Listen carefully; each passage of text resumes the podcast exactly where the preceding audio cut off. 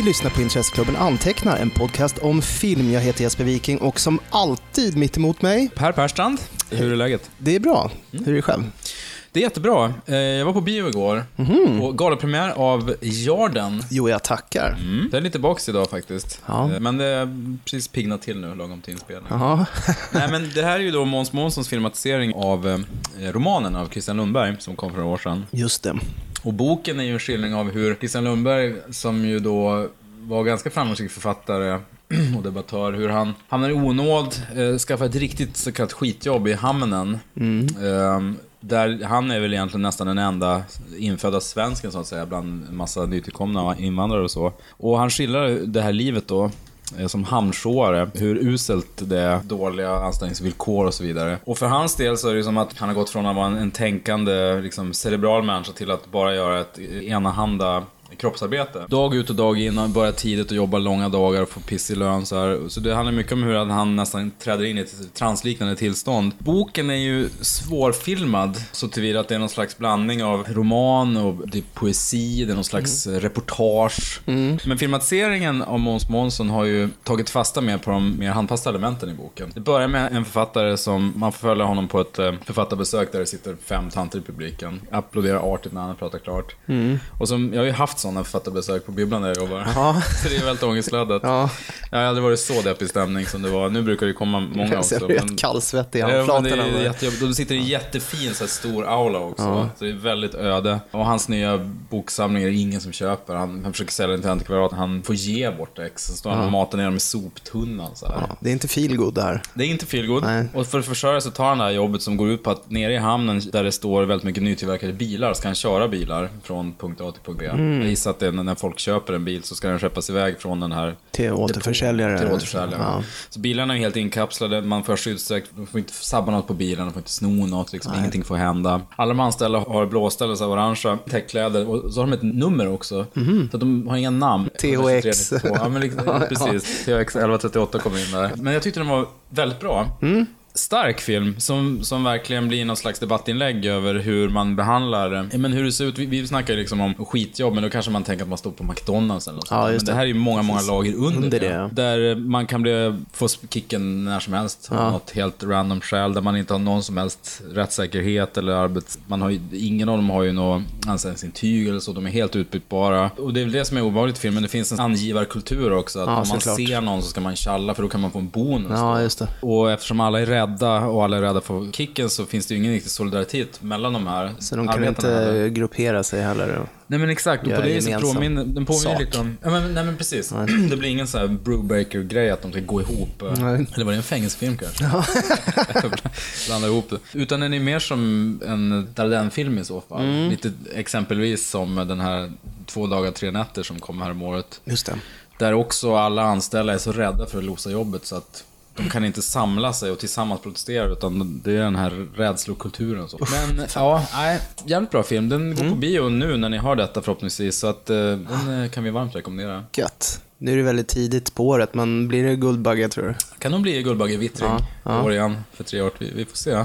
Härligt. Ja. Men du, eh, idag ska vi snacka om en eh, amerikansk regissör. Ja. Hör och häpna. Till skillnad från alla andra podcaster. Nej men det har blivit dags för David Fincher. Just det. Då tänkte vi fokusera på Seven. Det var hans stora genombrott, Mm. helt enkelt. Man hade väl sett Alien 3, men jag tror Mm. inte jag kopplade att David Fincher var något speciellt. Plus då, ja, i backspegeln vet man att han fick ju inte så mycket kreativ frihet på den. Nej, Top Gear, så inte direkt. Han har ju sagt det att han hatar den här filmen. Han är den första, han hatar den mest av alla. Ingen kan hata den mer än honom. Ja, men han lämnade ju filmbranschen efter den, ett par år till och med. Precis. Och gick men tillbaka han, till att göra musikvideos och reklamfilm och... det finns ju någon sån här citat att han har sagt typ I'd rather get colon cancer than mm. filmen. Så han hellre så här, Ja, det är hårt. Ja, det, det är ganska Då hårt. ogillar man någonting. Men om vi börjar med Fincher då. Ja, vad har vi på Fincher? Vi har ehm, ett årtal. Mm. Han är född 62.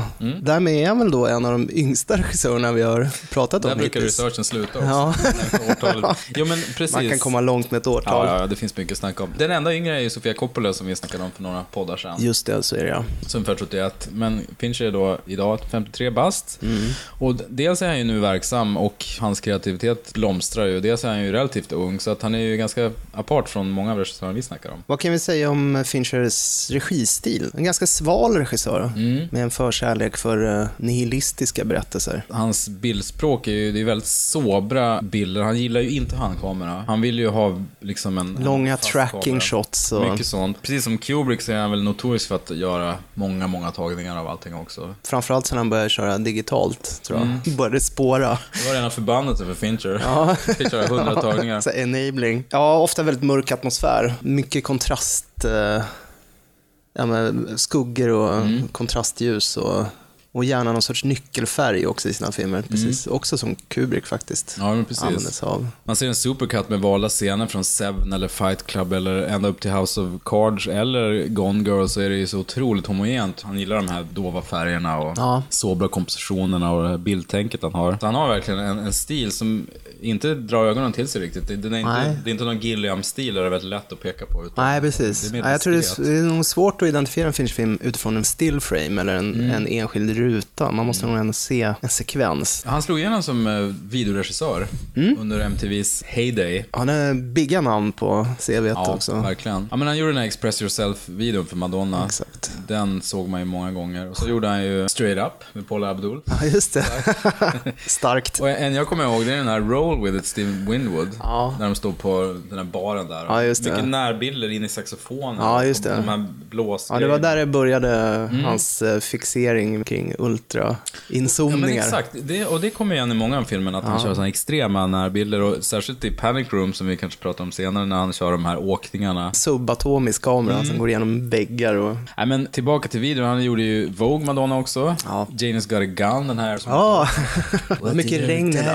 do? Ganska regnigt. Mycket sånt. Så mellan ja, men 84 och 89 gjorde han hur många videos som helst. Sen lugnade det sig lite grann. Mm. Tack med att han började göra film och videon dog. Ja, det började med Alien 3 då, Ja, då som sagt. Och det gick ju sådär. Jag tyckte den var rätt frän när jag såg den, men sen i efterhand, det är ju hur mycket skrivet som helst om vilket, vilken röra det var, hur många manusversioner den gick igenom och hur många idéer som fanns och som spolades. Jag vet inte om det var Vincent Ward som jobbade med ett manus där de skulle vara på en träplanet. Mm, just det. trä. Det skulle vara som en gotisk katedral Mm. byggd i trä. Det enda som överlevde därifrån var väl den här munkorden, eller, fast den är väl mer informell sådan i den faktiska filmen. Träplanet, synd att det inte blev, det låter mäktigt, men samtidigt så det är ju ganska outlandish och storvult jämfört med den otroligt, eh, ja men ni vet ju liksom, ettan är ju en skräckfilm och tvåan en actionrulle.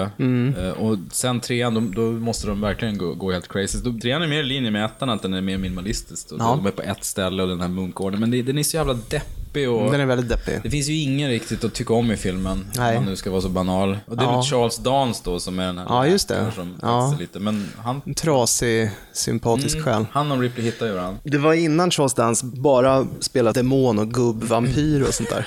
som man gör nu för tiden. Ja, jo men han slog igenom med, han startade i Royal Shakespeare Company, som så många Ja, andra ja. av sin generations stora skådisar. Ur den synvinkel, Gyllene Kronan gjorde han Golden Child, men på senare år, precis som du säger, är ju Underworld Awakening, Dracula Untold. Mm. Ja, det, det, det är mycket sånt. Ja, Game of Thrones har han ju haft en... ja just det. ju Vi spelade despot. Ja, nej men han är grym. Det fanns ju, finns ju en del glädjeämnen i Alien 3, men den är så här tröstlös, deppig och Mm. jobbig. bara. Men sen kom han ju tillbaka då och gjorde Seven. Alltid lite nervös inför att se såna här filmer som eh, orsakar ett eh, paradigmskifte inom en viss genre. Det var den första filmen, den var inflytelserik på många sätt. Det sämsta sättet kanske var att den stoppade in en sjua i tiden. Ja, gjorde koncepttitlar.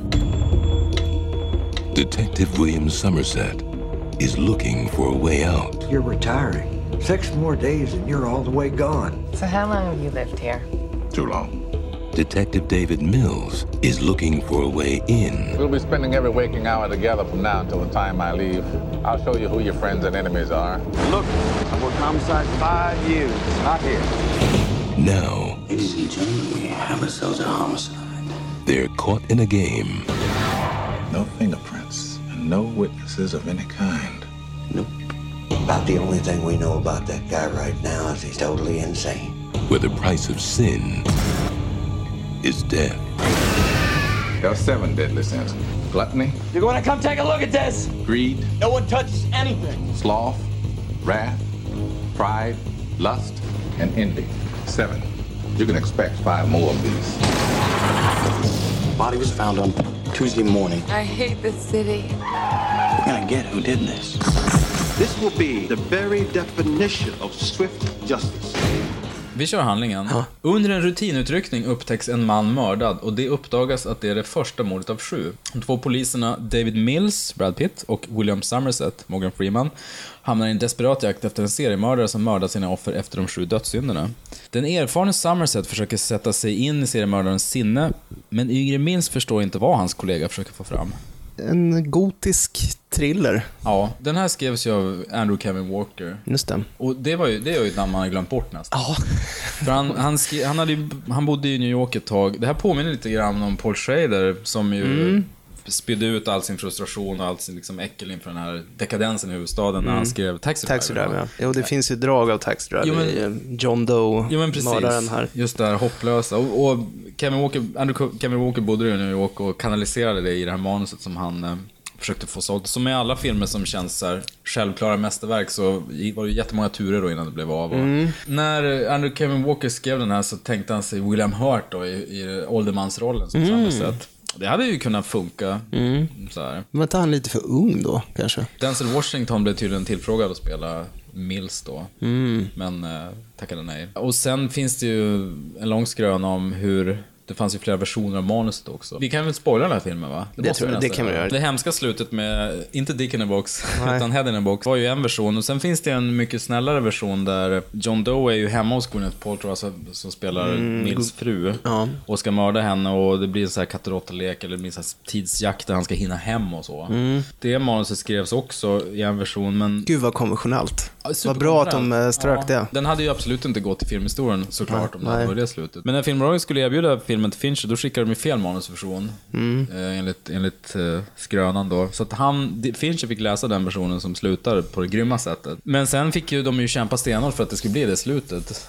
För att filmbolaget ville ju hellre ha det här tillrättalagda slutet, för de tyckte det var så jävla mörkt. Ja. Med a box. Och Ja, det det är är det det. ju. Ja, Och det är det är det, som gör, det är som du säger, det är det som gör filmen så otroligt stark. Ja. Nu när jag såg om den, jag hade sett den sen när jag såg den på bio, men det var säkert tio år sedan, så slogs jag av hur lugn inledningen är. Ja. Det börjar med att man är hemma hos Somerset som kommer hem och tar sig kavajen typ. Och sätter Det etableras hur, vilken sorglig typ han är. Ja, ensam. Och sen kommer då den här, eh, nu väldigt berömda förtextsekvensen Ja. av Kyle Cooper. Då. Den var ju också eh, nyskapande. Storyn bakom den är ju att eh, det var ju tänkt att det bara skulle vara vanliga, konventionella. Men eh, Kyle Cooper sa det till Fincher då att kan vi inte använda alla de här böckerna? För någon jävel satt ju och gjorde de här Ja, böckerna. anteckningsböckerna. Ja.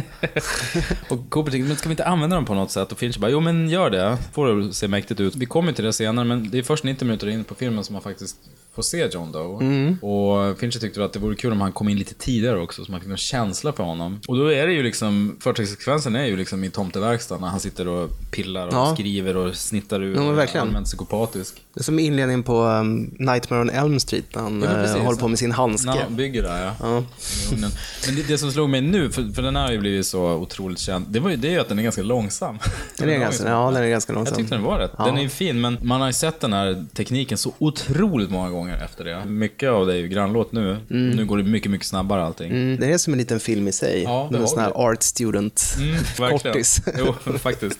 Jag tror många blev mer skräckslagna av förtexterna än Mm. resten av filmen nästan. Att den var så oerhört suggestiv. Jo, men det fina med som- Seven är att det är ju nästan inget synligt våld i den. Nej. Det är ju alltid efterspelet då av det här Ja. hemska som har hänt. Jag har ju skrivit ner så här, jag har ju radat upp så här vad jag tyckte var bra och dåligt med Seven. Nej, men på bra-listan har jag skrivit stämningen. Den är ju vattentät fortfarande. Och sen så... Mm. Tur att den är vattentät, för Ja, det regnar ja exakt. Morgan Freeman som är en sån klassisk noir snut, Mm. filthatt och mumlar cynismer och bra rollfigur. Otroligt bra. Ja, och sen är ju fotot också såklart jättefint som du berörde tidigare. Av Darius Kolji, Ja. som gjort så jäkla mycket bra grejer. Han har jobbat med René Caro på det glada 90-talet. Mm. Han gjorde ju De förlorade barnens stad, som är en av de mäktigaste filmerna som Ja. finns på alla plan. Mycket jordiga toner och Ja, men precis. dystert och jordigt. Han gjorde ju Delikatessen också. Sen på sistone har han ju tyvärr slösat bort sina talanger med att filma en massa mediokra Woody Allen-rullar. Irrational Man Man, Magic in the Moonlight, To Rome with Love. Liksom, som Ja, usch. Nej, Men det han, har, han har ju gjort eh, Amour med Haneke och lite sådana grejer. Nästan. Också ganska jolig. Ja. Nästan som en tidig Nej, Hoyte van Hoyten va? ja, men faktiskt. Ja, Hoyte tar över... Uh, tar alla hans feta gig nu så han får hålla sig Precis. till Woodys uh, euro slum-produktioner. Verkligen. Ja, vad hade du med på, på bra-listan? Eh, nej.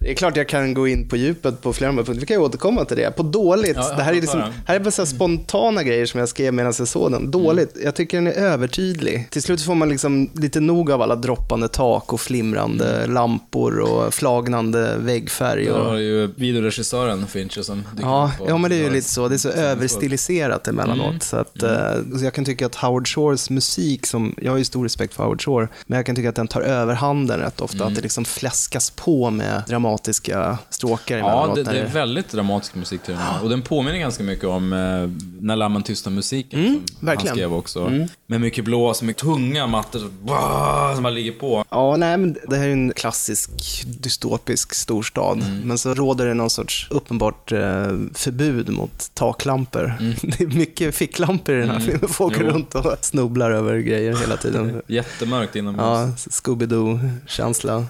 Det blir nästan borderline-parodiskt. Man tänker på det mer kanske i en modern färgfilm än om det hade varit en langrulle från 49. Ja, exakt. Ja. Där man bara, åh gud vilka... Gud vad härligt. Det är Carl Freund har fotat, fan vilka snygga skuggor, bara wow. Nu är det lika stillasigat, men då tycker man det är överdrivet, för man är så van vid naturalistisk Ja. Jo, men jag håller med, det är lite mycket, han krämar på ganska mycket. Brad Pitt är också toppen, Väldigt bra. Mm. tycker jag. Han spelar över lite ibland, men det gör han ju alltid å andra sidan. Han har den här egna att han ska dra sig i håret. Så Ja, det är en sån tics han håller på med. det behöver, han behöver inte Och Gwyneth. Paltrow också bra och ovanligt nyanserat porträtt av fru. Mm. De har ju faktiskt lite egen tid i de här. Jo, Vissa hon, scener. Men hon har det. Det passerar ju inte Bechdel-testet. För i den Nej. scen hon har med Morgan Freeman pratar de om Brad Pitt. Ja, och att hon Och ska ha barn med honom. Ja. Så tyvärr. Men hon är också, hon är bara med i, tror jag, fyra scener kanske, eller möjligen fem eller något sånt ja, där. det kan nog stämma. Det beror på hur man räknar slutscenen. Ja. Men ehm, hon skänker ju välbehövlig värme. Senare hemma hos dem är ju en otroligt viktig motpol, för annars hade ju hela filmen utspelat så här regniga, deppiga storstadshelvetet. Precis, eh, och det här biblioteksbesöket, det. det. är ju också en sån här respit från de där eh, deppiga, förfallna Ja, stadsmiljöerna. Otroligt biblioteksromantisk Mm. Ja, scen. Jag satt ju med gråt i ögonen och bara, Ja. myste. Ja.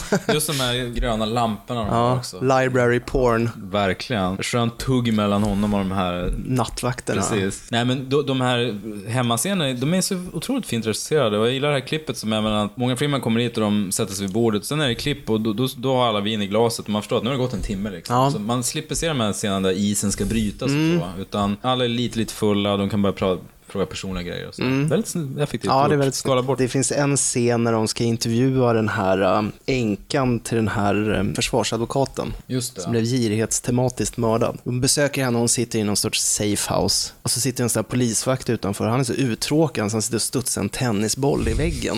Mm. Och så klipper de, då är de inne i, i det här um, rummet då och pratar med henne. En ganska lång dialogscen, kanske fem minuter. Men då hör man hela tiden i bakgrunden så här, dudum, dudum, Ja, det är dudum. smart. Det ger liksom en autenticitetskänsla som är Mm. jävligt stark och så enkelt etablerat också, bara med en ljud-cue. Ja, det är jävligt eh, fint gjort faktiskt. Jag kom på en grej som är dålig. Det är den här scenen jag snackade om. Där, eh, nu dissar jag den här scenen jag nyss hyllade. Men de sitter ju och pratar och har blivit vänner och då kommer ju tåget förbi. Så allting bara skrattar Ja. Mm. jättemycket. De drar, skojar om att... eh, De fick ja, den- Varför fick vi bara se den här fem minuter i taget Ja, mäklaren visar? Ja. Och så ska de försöka hålla sig för skratt så börjar alla garva. Så ska det ju group hug nästan. Ja.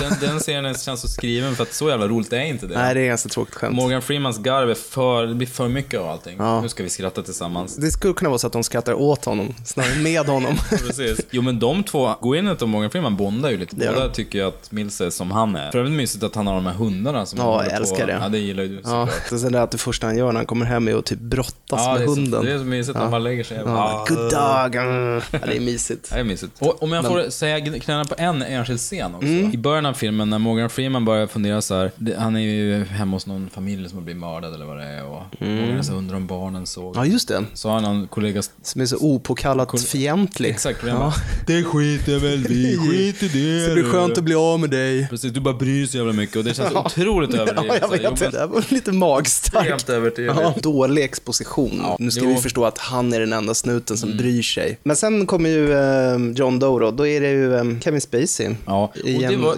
cameo egentligen, för han är, har ingen credit i filmen. Jag vill nog säga att man hade sett Usual Suspect och liksom upptäckt Kevin Spacey. Ja. Så när han dök upp hajade man till. Vänta nu, det där är ju han från, som var så jävla bra. Det är ju Verbal Kint. Det är ju Verbal eller? Kint. Eller Kaiser... Oj, det höll jag på. Ännu en spoiler Per.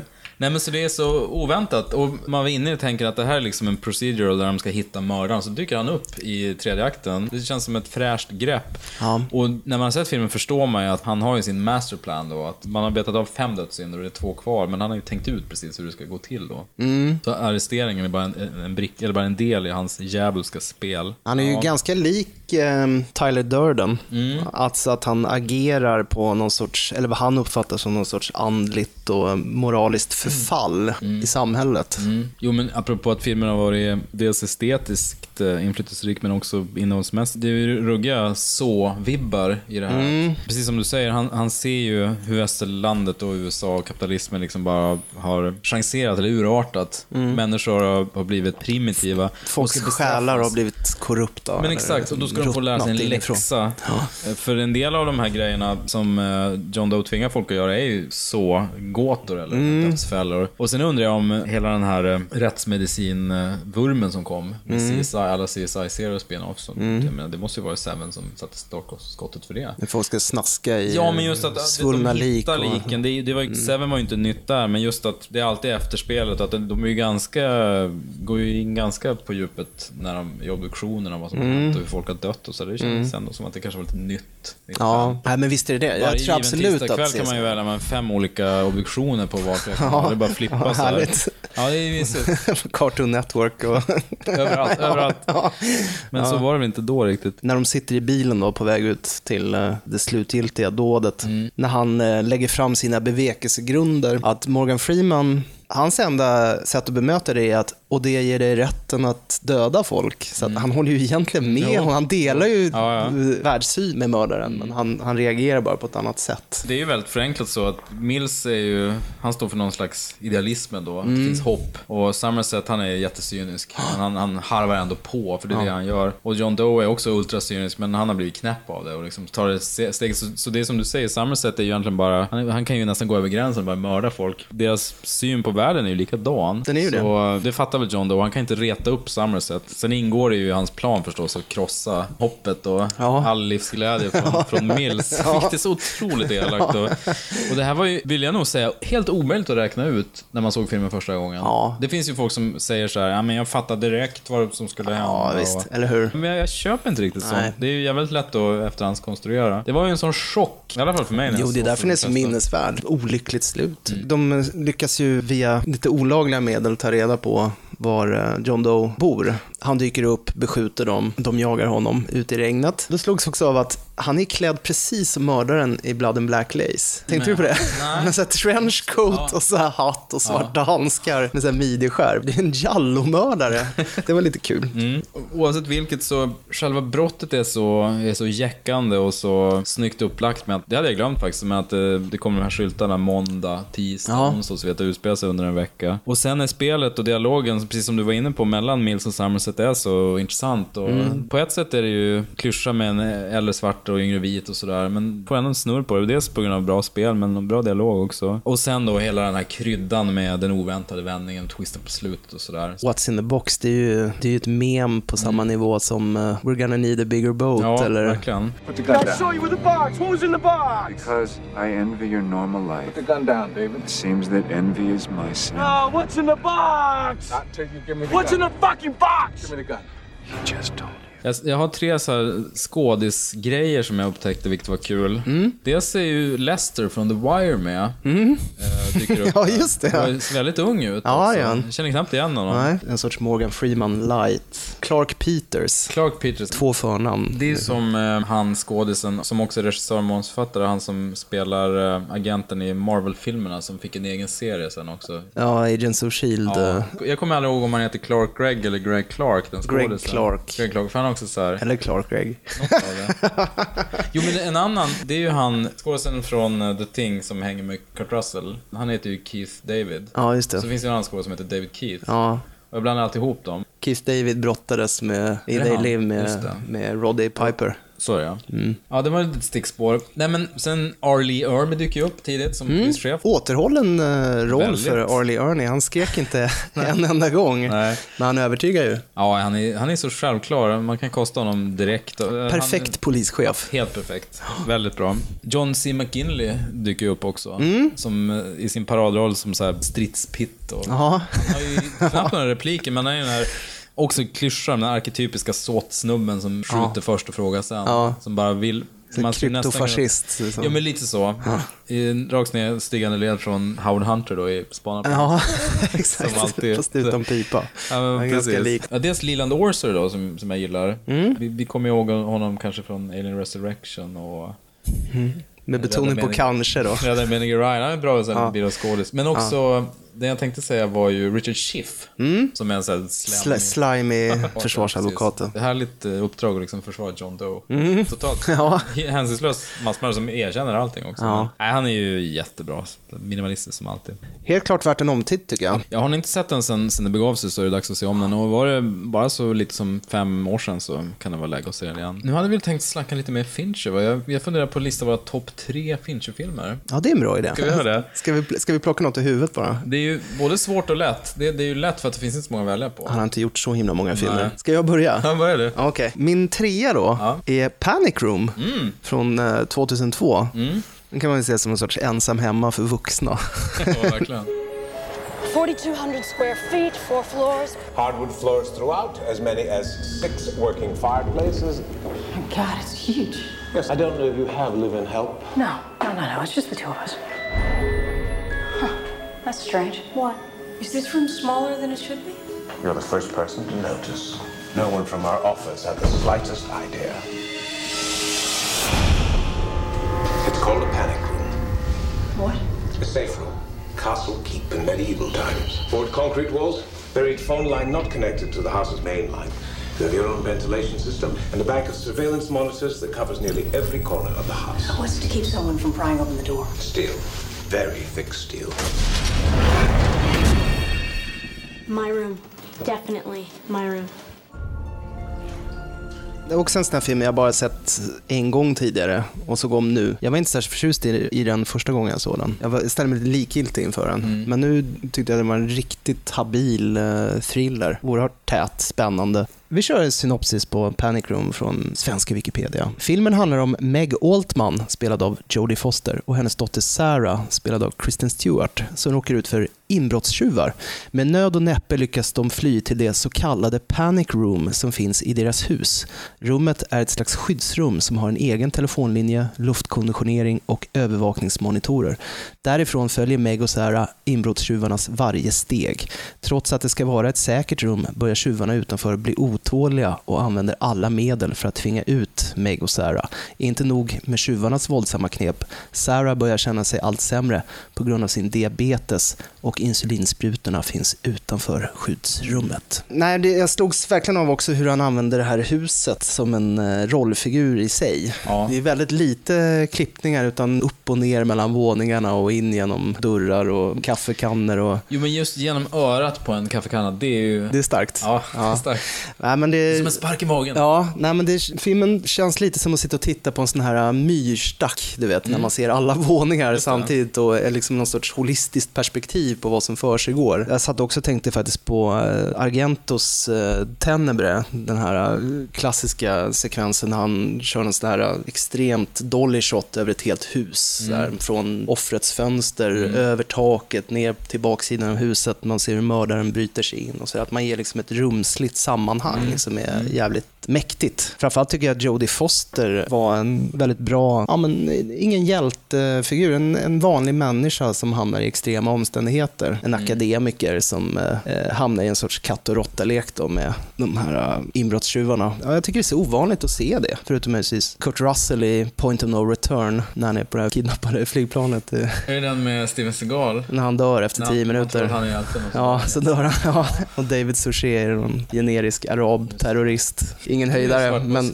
men ja, ja, precis. Ja. Det blir perfekt. Det blir perfekt för dig. Jag, jag kommer att jag blev besviken också när jag såg den här första gången. Den kändes ju som eh, så simpel. Jag menar, Finch har ju hoppat friskt mellan genrerna. Han har gjort en del thrillers och sådär. Men han har ofta haft ganska intrikata historier att berätta. Mm. Jag menar, Fight Club är ju komplicerad och bildmässigt väldigt fräsig liksom. Blanda hej vilt och Gone Girl är ju det är ju ett drama med en väldigt intrikat handling och så vidare. Ja. Men Panic Room är hans första hittills och enda high concept-film. Ja. Alltså med en liksom väldigt tydlig idé. Väldigt stor del av början går ut på att etablera att så här funkar Panic Room. Ja, exakt. måste trycka här på den på den här våningen är det och på Ja. den här våningen är det. Eller den lägger alla- upp scenen Precis. på något sätt. Här är alla byggklossarna.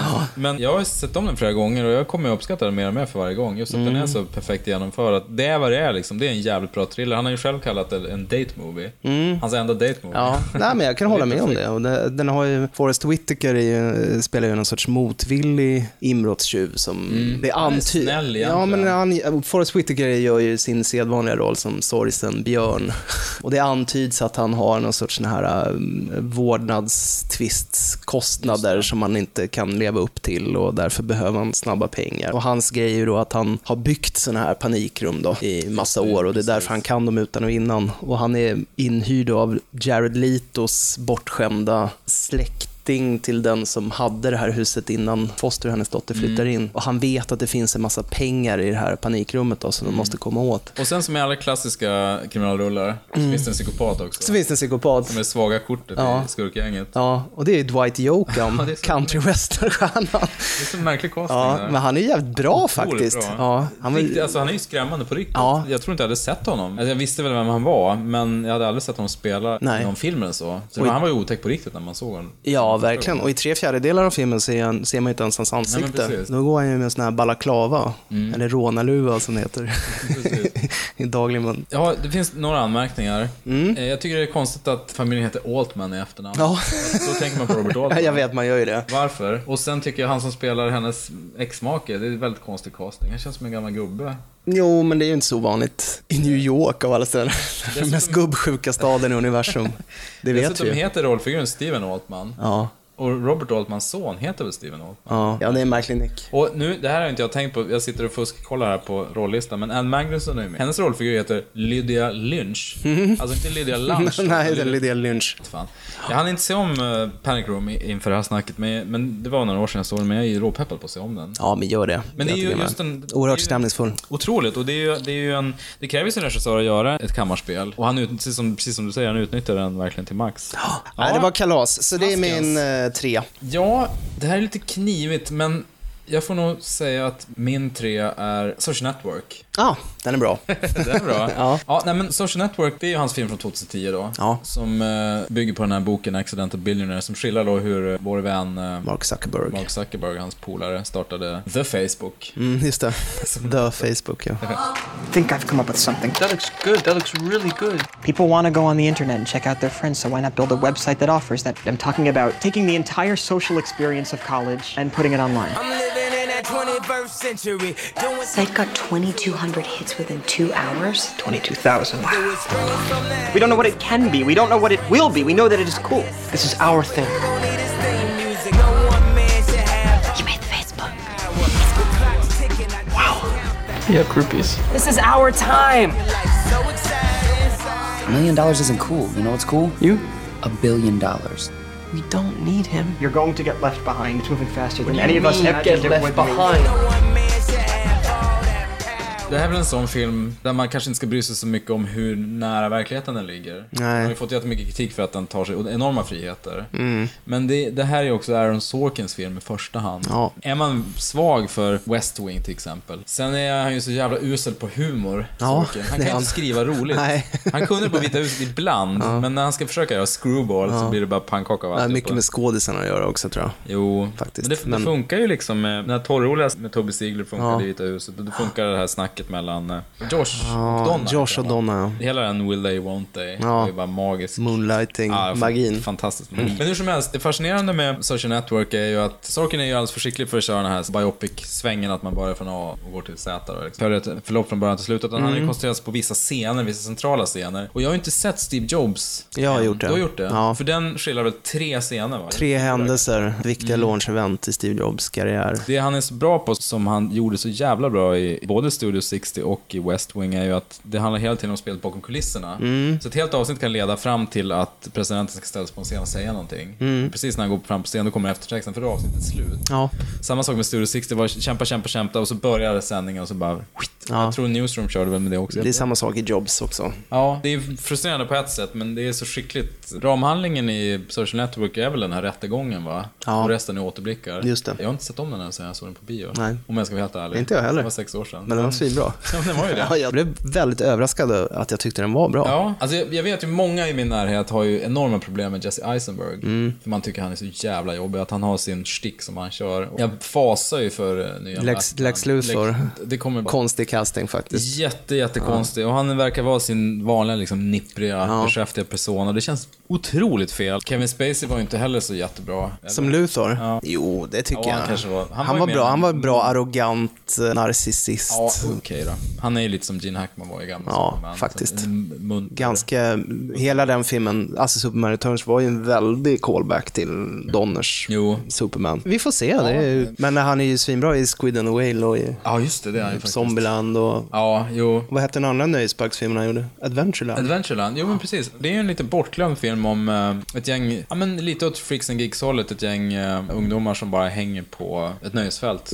i liten skala. Han gjorde den efter Superbad, Greg Motola, sen gjorde han Paul och sen gjorde han den här Clear History. Nej men tillbaka till eh, Social Network. Det är ju dialog-ekvilibristen, Sorkin, som får glänsa. För det är ju det är prat, prat, prat, prat, prat hela tiden. Det är skitbra skådisar, Rashida Jones är med, Ja, jättebra. Army Hammer. Ja, som vi snackade om senast. Ja. Kul att vi har lagt så mycket Vi är tid på att snacka om besatta vid Army Hammer. Det är för att han har så bra namn. Ja, han har ett grymt namn och spelar de här Winklevoss-tvillingarna. Det här var ju första gången, nej inte riktigt första gången, men det var ju här han började använda Trent Reznor från Nine Inch Nails. Just det. Sin go-to-snubbe för göra filmmusik. Han hade ju använt eh, musiken när han gjorde Seven då förstås, i den här... Ja, i introt då. Ja, men nu tog han ju in eh, Trent och Atticus Ross som fick då göra ett väldigt... Och det, det vill jag minnas jag tyckte var lite oväntat. Det skulle vara ett väldigt ambient och elektronisk eh, filmmusik till den filmen. Eh, Och det funkar väldigt bra. Och det ger ju väldigt stämning när han bara cyklar runt på campus och så kommer den här väldigt ödesmättade elektroniska musiken. Då är allting mycket bättre. Visste du det? Att filmmusik kan göra filmer bättre? Det kan man inte tro. Så är det. Nej men Social Network, jag tycker hur vi, huruvida den stämmer med verkligheten eller inte, det, Irrelevant. det är relevant. Det är en moot point när det gäller Sorkin. Man Ja. får bara låta honom härja. Ja, han målar med en bred pensel. Ja, det gör han. Och för, eh, för Finch en lite annorlunda film som inte innehåller någon action. Eller något mord Nej. eller någonting. Bara massa dialog. En annan form av kyla. En annan Exakt. form av ondska. Det den här filmen fått mycket kritik för, det är ju slutscenen. Det är väl ingen spoiler, men när, när Zuckerberg sitter där och har skickat... Alltså, Just det, han friendar sin eh, advokat, var det inte det? Dels, han försöker ju connecta med hon Rashida Jones, men hon är kallsinnig som jag minns det. Men sen, är- alltså, å ena sidan, det jag precis sa, man kan skita i hur väl det stämmer med verkligheten eller inte, för man kan bara njuta. Å andra sidan, Sorkin kokar ju ner hela hans bevekelsegrunder för att köra igång att han är olyckligt kär i den här tjejen.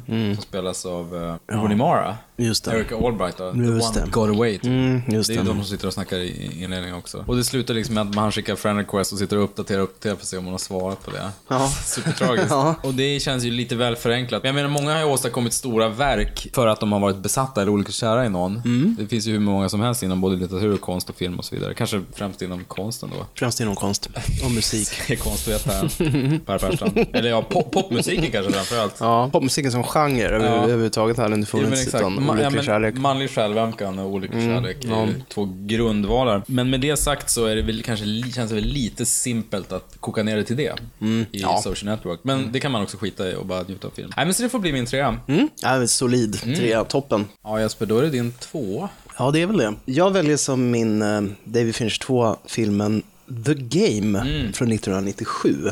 Consumer Recreation Services. Call that number. Why? They make your life fun. What are you selling? It's a game. A game.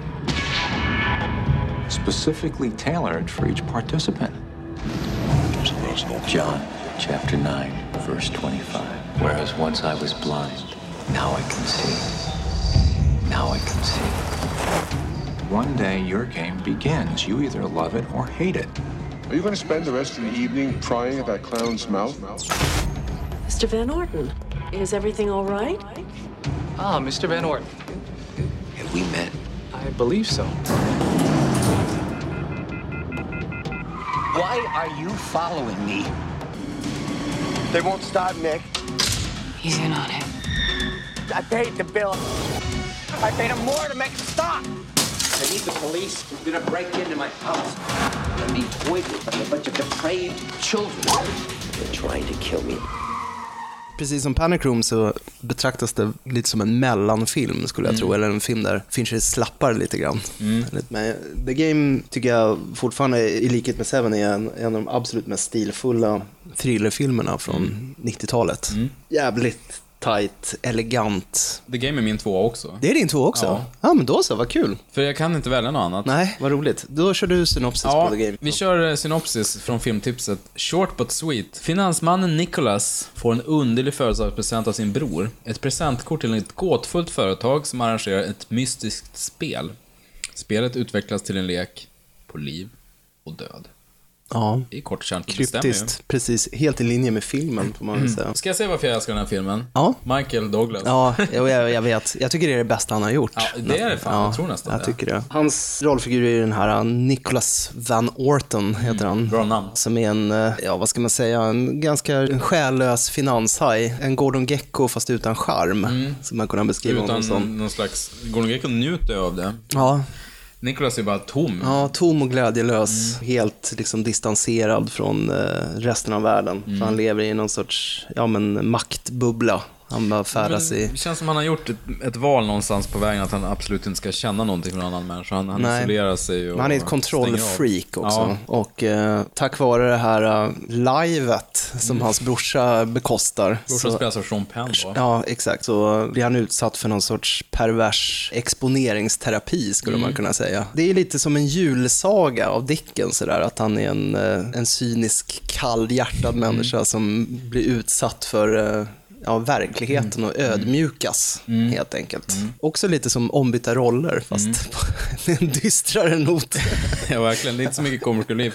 Men på det sättet är den ju, den är väldigt sentimental egentligen. Det är en gammal Ja. fin historia. Jo, men liksom, Hur man absolut. ska tina upp den här gamla gneten som har tappat all människokärlek. Ja, och det här är den enda Fincher-filmen där jag faktiskt gråter på slutet Mm. för att det är så fint.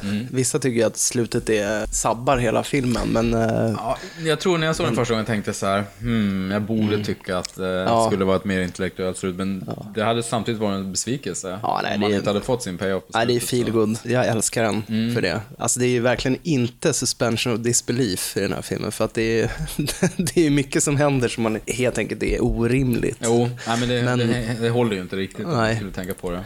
Men eh, som fin kommentar också apropå hur, eh, om man liksom distanserar sig från verkligheten så utvecklar man sociopatiska drag. Michael Douglas rollfigur är ju en ganska osympatisk egentligen.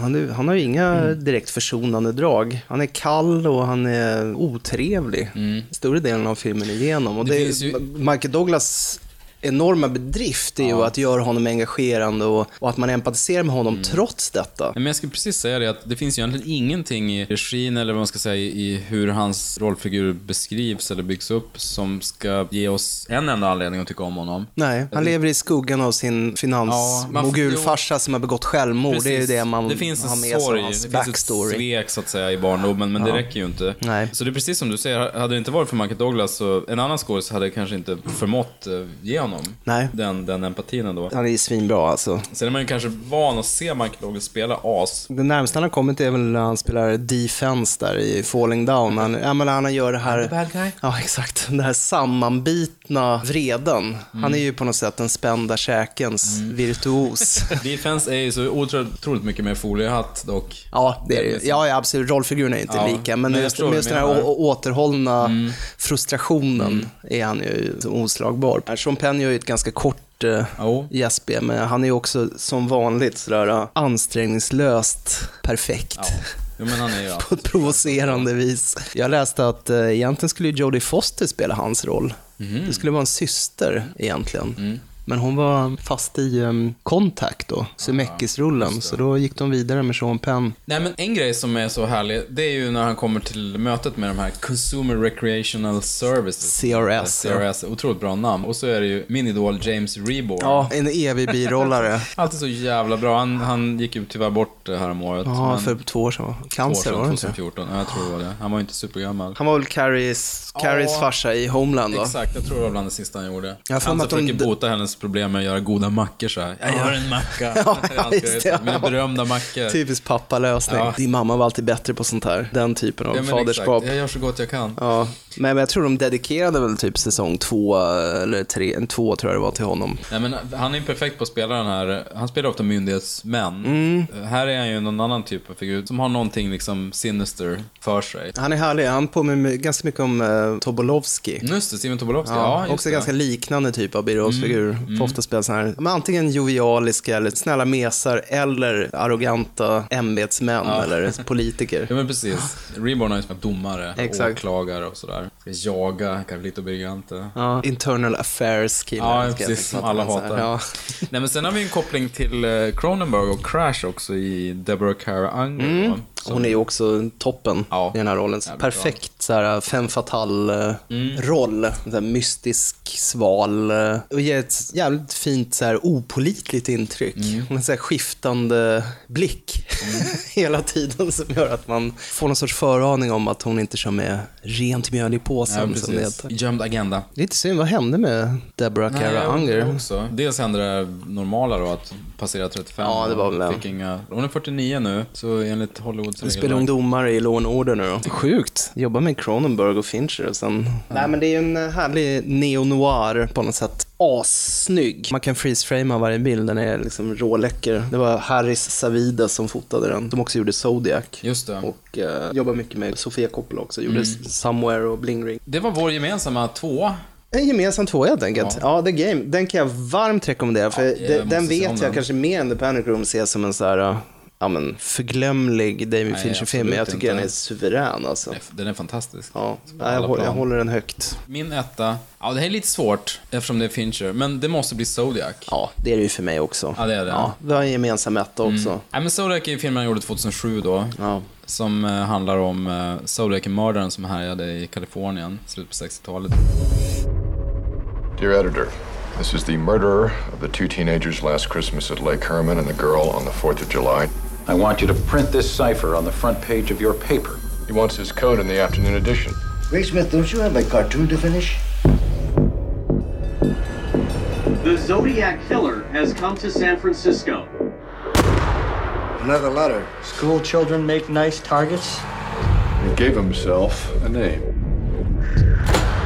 Greek, Morse code, astrological signs. This guy's using them all. I like killing people because man is the most dangerous animal of all. How does one do that? I like puzzles, I do them a lot. Got any hard suspects? About uh, 90 an hour, I'm up to around 500. You got four crime scenes, not a single usable print. You can't think of this case in normal police terms. He's breaking the pattern. Glenna said you were a cartoonist. Oh, yeah. what are you doing at a gun range? I just want to help. What are you, some kind of Boy Scout? Eagle Scout, actually. First Ska vi dra ett litet eh, synopsis på den? Gör det. I slutet av 60-talet och början av 70-talet jäckade en seriemördare i Kalifornien. Mellan sina brutala mord skickade han meddelanden till stadens olika tidningar där han erkände morden, samt olika hot genom krypterade kodspråk. I filmen får vi följa dessa skeenden under 25 års tid, både under tiden för morden och den långa resan efteråt. Allt genom ögonen på serietecknaren Robert Graysmith. Ja. Det här är eh, kanske den mest tillfredsställande, otillfredsställande film jag någonsin har sett. Ja. Den är ju lång också. Den är ju två timmar och 40 minuter. Det här kan man ju säga är Finchers andra seriemördarfilm då, om man jämför med Seven. Men där Seven egentligen är en ganska snaskig thriller, så är ju det här verkligen en, ett procedurdrama. Trots att den är mycket brutalare egentligen i mordsekvenserna. Tre mord tror jag man får se i, i eh, Zodiac. Men de är ju jävligt obehagliga och eh, nakna och brutala jämfört med, som sagt, i Seven där man, allting är suggererat egentligen. Där är han ju, I Seven är han ju bar, ganska barmhärtig. Nu är det ju otäckt bara efterspelet till morden och när de intervjuar vittnena och sådär. För man, men man får själv föreställa sig hur det var. I alla de här morden, speciellt första och det här på, på vid sjön, bygger, han bygger upp det jätteomsorgsfullt länge också. Ja. Vad är det för bil? Äh, skit i den, det är nog inget viktigt. Men Ja. den kommer igen här. Det är, Också det är flera en lång, minuter. lång, lång tracking shot. Ja, och så han är, han är ju sadistisk. Ja, verkligen, ja. Nu, nu gör han, det här är ju en riktig skräckis nästan, en thriller är det ju. Mm. Eller den, det är ju en journalistfilm, det är en, det är en thriller, det är en skräckfilm, det är en seriemördarfilm, det är liksom en... Den är- kameran är ju nästan som ett rovdjursöga Mm. i den här inledningen, när, med parkeringen och... Ja, formmässigt och foto, fotomässigt så är den ju helt bländande. Ja, det är en av de mest obehagliga filmer jag har sett. Eftersom den pålyser ja, men, universums likgiltighet inför sådana här begrepp som rättvisa. Nu har en vidrig mördare och det finns en massa, ja, i det här fallet journalister, som är kapabla och, och driver en undersökning och en duktig polis. Men det spelar egentligen ingen roll. Han blev aldrig fångad. Det är liksom helt meningslöst. det, är så, det är så hemskt. Ja, på precis sätt. som du säger, man, man får inte den tillfredsställelsen. Nej, man får ju inte det. Nej, filmen handlar ju snarare om eh, var finns gränsen för vad sanningen får kosta. Mm. För eh, alla som söker sanningen i den här filmen får ju sina liv kvaddade i princip. Jo men precis, Graysmith är ju en av dem som, han började ju på tidningen som så karikatyrtecknare. Så han har ju ganska låg status, men han har ju, förstår ju hur man ska dechiffrera de här koderna också. Han har ett så- öga, huvud för Ja, men precis. kryp- kryptografi och gåtor. Och Exakt, han är en sån här vankorskille. Ja. Så på tidningen är det egentligen den här Paul Avery som spelas av Robert, Robert Downey. Jr. Som är en Sluskig dandy. suput. Ja, Ja. sluskig dandy. Men det är ju Downey när han spelar Downey. Han är ju Tony Stark. Liksom. Är det Sarkastisk han suput med hjärtat på rätt ställe. Ja. Det är otroligt bra. Men, Ja. men Graysmiths status höjs ju allt eftersom, så han är ju lekman så att säga. De blir ju som en sorts Woodward Bernstein Men exakt. duo. Medan några poliser, han David Toshi till exempel, som spelas av eh, Mark Ruffalo. Graysmith kan ju inte släppa, han blir besatt av det här. Ja. Och när utredningen har pågått år efter år så är Toshi den här proffset som säger, nej men vi kommer inte vidare, vi måste släppa Nej, det här. Han, han fattar att det är ett jobb, så här, om, om jag fortsätter blir jag galen. Ja. Medan Graysmith kan ju inte släppa det, han bara harvar på liksom. Och det förstår man ju, han, han tycker sig vara så nära en lösning. Nej men verkligen, och den har ju jämförts såklart med Alla Presidentens Män. Den är ju, Mm. lirar ju i samma liga. Och givetvis sitter man ju, blir nästan tårögd när de sitter med sina knattriga skrivmaskiner. Och... Ja, så här söndertuggade blyertspennor i byrålådan och sånt där. Så. Så enorm detaljrikedom. Alla interiörerna på San Francisco Chronicle på den här tidningen då är ju ljuvliga att titta på. Otroligt välgjord thriller. Ja, den är ju, trots sin längd och, eh, och att de aldrig löser det, Nej. så är den ju oerhört Det är spännande hela tiden. spännande. Man är ju engagerad Mm. hela vägen igenom. Som satan. Nu har vi ju inte pratat om John Carroll Lynch. Nej. som är... Han spelade Arthur Lee Allen och jag såg om just den scenen häromkvällen för Zodiac finns ju på Netflix så det är bara att hooka upp med den direkt. Mm. Men han spelar ju då en av de huvudmisstänkta. Men det, det finns indicier som, som liksom friar honom. Han, Ja. De får inte fast honom på DNA till exempel. Nej. Eh, Men han beter sig skumt och det är jättemycket som pekar på att det kan vara han. Och det är en för, förhörsscen när de intervjuar honom på jobbet då. Han har en klocka som det står Zodiac på. Han Ja, har ett spefullt sätt att prata med dem. Som gör att han känns så jävligt shady. dryg, eh, föraktfullt sätt att Kommer prata ihåg, med dem. nu har jag ju sett den igår, men kommer du ihåg vad det sista han säger när han reser sig upp och ska gå? Nej. Han säger så här, thank you gentlemen, typ, uh, look forward to the day when policemen are not referred to as pigs. Och så går han så här. Mhm. Vilket är ett sätt att kalla dem pigs. Ja, jo, Fast verkligen. han gör det via omvägar. Ja. Visst har vi snackat om John Carroll Lynch förut? Ja, någon gång har vi gjort det. Första gången jag såg honom var ju i Fargo, Mm. filmen Fargo. Men där var han ju så snäll. När han spelade Norm Gunderson. Ja, Helt precis. Francis supersnäll. McDormands målarmake. Hans stora intresse är ju liksom att hålla på... Nej men det är väl fiskedrag han håller Är det på fisk? med? Ja, jag tror han var målare. Nej, det kanske är Ja, men fiskedrag. han, nej, men han håller ju på att måla någonting. Ja. Ja. Det är någon, han har Han kanske någon- målar fiskedrag. Kanske.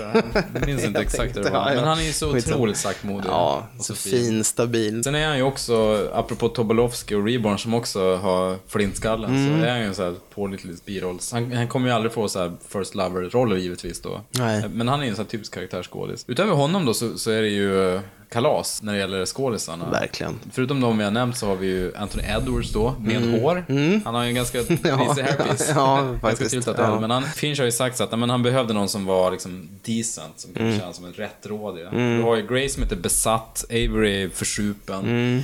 Torsis då, snuten är ju...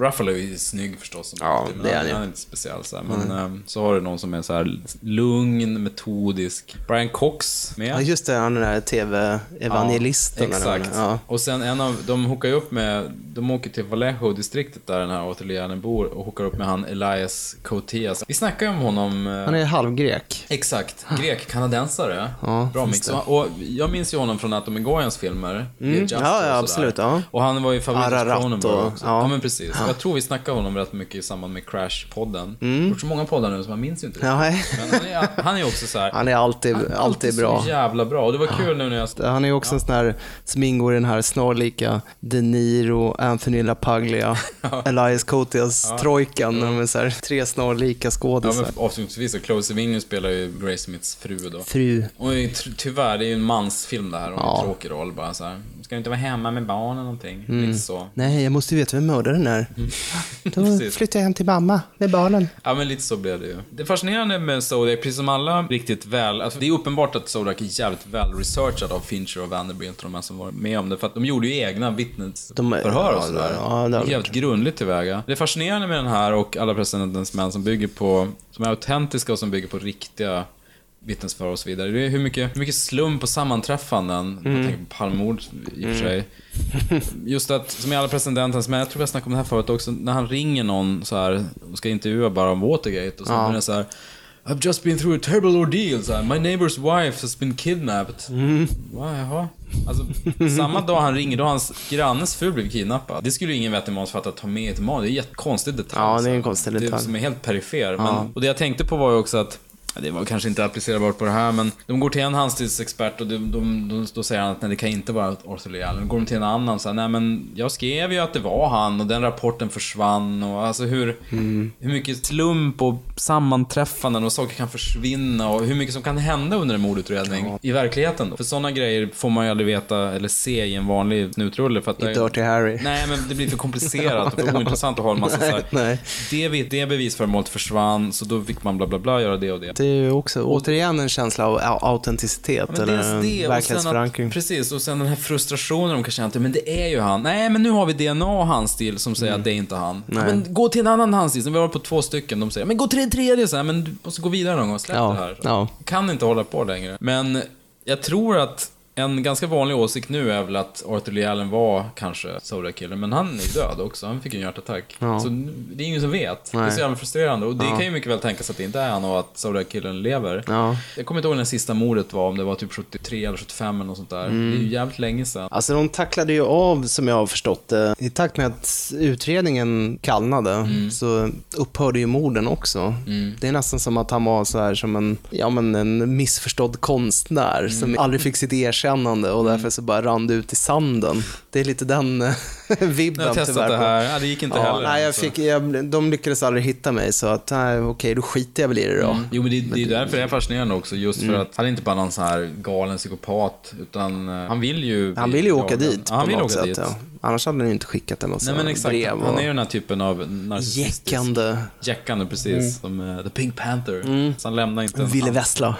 Ville Vessla. Lite. Ständigt denna Zodiac. Mm. Ja, nej men eh, kalasfilm, det, den, den tonar, tycker jag fortfarande, Mm. över Finchers övriga övre. Och jag pallar nästan inte se om det här mordet vid sjön längre. Där tjejen dör och killen överlever men med svåra skador. Och jag får nästan spåra förbi den. Där kan vi snacka om kontrastverkan också, för hela upplägget, det ser ut som en sån här polaroidfoto Ja, från verkligen. 70-talet. Och de har så här glada, bjärta glifärger. Så kommer helt plötsligt den här stora svartklädda mannen i rånarluva och bara börjar på ett ganska banalt vis hugga henne i ryggen. nästan. Ja, ja, det är så Oplanerat. jävla otäckt Ja. alltså. Och han har ju ingen så här cool direkt, eller det ser ut som något han har lite så här taffligt. Mm, Nej. något han slängt ihop bara. Mm. Har ni inte sett Zodiac så, så måste ni göra det. Det är David Finchers bästa film nu, officiellt. Ja, hamnar den i eh, skåpet? I skåpet, ja. Hamnar Zodiac i skåpet Jag nu? tror nämligen att vi har snackat om Zodiac förut. Ja. Bästa Ja. seriemördare, har vi haft det eller? Det Ja, jag vet. såklart. Du har nog pratat Jag har om Zodiac någon gång Zodiac, så tidigare. det är nog dags att stoppa Nej, nu hamnar Zodiac är officiellt i skåpet, Nu skåpet. nu. All right. Ja. Gött, det var vår gemensamma etta. Det var det. Innan vi avrundar kan man ju säga så här, vad hände med Fight Club?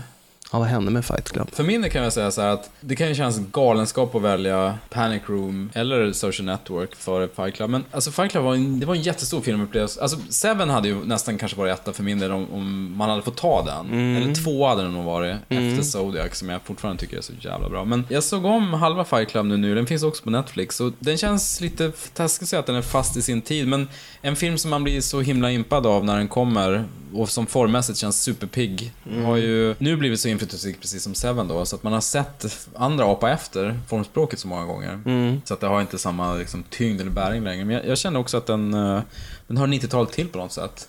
Ja. Lite som Oliver Stone, alltså National Born Killers är en frän Ja. men man kan känna att den var typisk Barn av sin tid. Barn av sin tid lite grann. Jag har aldrig tyckt om Fight Club. Ah, ah. Jag tyckte Fight Club var inbilskt djupsinnig och därmed ganska oklädsamt eh, självupptagen. Mm. Jag som lite ytligare, jag tyckte gärna att den var frän. Jag, tyckte, Ja. jag, jag tror jag gillar den från de här tuffa Dust Brothers förtexterna. Ja. Tog de vägen Ja, ja, verkligen. Nej, men jag tror så här att Fight Club är så full av infall och formspråket är så vilt så att man sitter och imponeras av berättandet lite grann. Mm. Men jag känner inte att jag connectade särskilt bra med, med huvudpersonen riktigt. Edward Norton är jättebra i den Ja, här filmen. jo det är han absolut. Men jag, jag känner också så här, jag läste mycket Palaniuk ett tag. Jag tyckte den här Lullaby var suverän. Jag har faktiskt aldrig läst Fight Club, men jag har läst fem, sex andra Palaniuk. Ja. Men i takt med att jag blir äldre så blir jag lite less, för jag tycker han har fastnat i sin nihilism sådär. Ja. Sin satir över västerlandets förfall. Precis, och sin chockmetodik. Exakt. Och annars så, jag menar, Benjamin Button är jättefin, men det är, det är ju en oscar bait-rulle. Man Mm. får ju lite Forrest Gump-vibbar. Ja, just det. Ja. Girl with the Dragon Tattoo, helt okej. Steg Ganska Larssons. Men jag blev jätteförvirrad av det här uh, överstiliserade James Bond-introt i början Just det, med, med oljan som rinner där då. Halvnaken Daniel Craig Ja, som blir och täckt i om, olja. eh, Ja, precis. henne där och det det känns som olja. här förtext för någon sån här dussinserie på HBO. Ja, lite så. Också så här, det känns också som att det ropar franchise långa vägar. Ja. Det här är del ett. Ja, ja, och men det, verkligen. Fincher har ju option tydligen på tvåan och trean, men det är väl oklart om... Det gav ingen mersmak. Ja. Nej, och jag tror att inte den gick så här omedelbart superduperbra så att det är givet att det ska bli en trea. Nej. Och om vi nu ska avrunda här med Fincher så är det ju då Gone Girl som är det senaste han har gjort i, i långfilmsväg. Den Det såg jag faktiskt bara härom, härom veckan.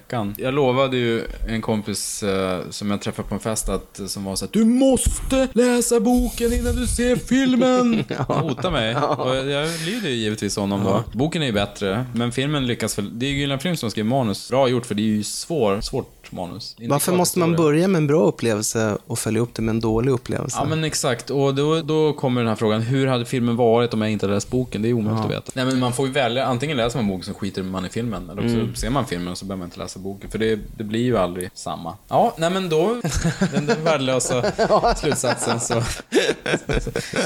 så lägger vi sordin på, på Fincher. Vad ska han göra härnäst? Vet vi det? Jo, det har jag läst. Han håller på med TV nu. Han har gjort House of Cards. Ja, just Han det. är fortfarande producent. Fjärde säsongen har precis släppts Mm. på Nettan. Ganska bra. Ja. Nej, men eh, han håller på med någon noir-serie som heter Shakedown, som Mm. utspelas på 50-talet. Mm. Och som är... Det eh, låter väldigt som, eh, Elroyskt. Ja, det är Elroy. Ja, det är Elroy. Ja, det är ju det. Det är som är så jävla coolt. Vad kul. Eh, Elroy ska vara med och skriva manus och sådär. För grejen var att Fincher och Spacey försökte ju sälja in of Cards i flera kanaler och många var så här, ja, ja, men gör en pilot så får vi se det först. Så här. Ja. Men Net- Netflix var så här, nej men de gjorde den här berömda undersökningen då. Våra tittare gillar filmer med Kevin Spacey, filmer av, av Fincher, Mm. Fincher. Och, och filmer Så. med politiskt tema. Så Ja. här. Våra algoritmer. Så ergo? Ergo, här har ni skitmycket pengar, kör. De vill inte se att de har, ni har fria händer. Ja.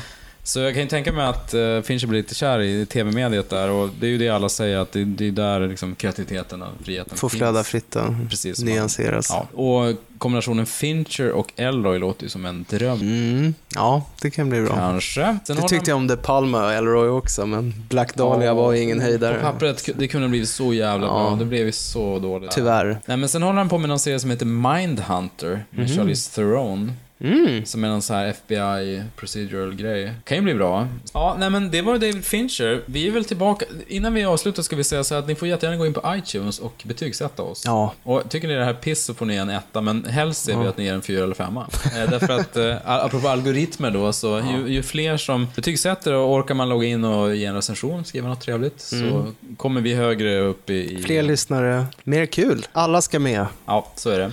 Så gå gärna in och gör det. Vill ni kontakta oss och önska, hylla eller kritisera eller vad som helst, då kan ni mejla oss. Det går att göra på vår Facebook-sida såklart. Eh, Men ni kan Och på också, TV-dags. Som är vår host, men ni kan också mejla oss på icapodcast.gmail.com. Tack för ikväll. Hej.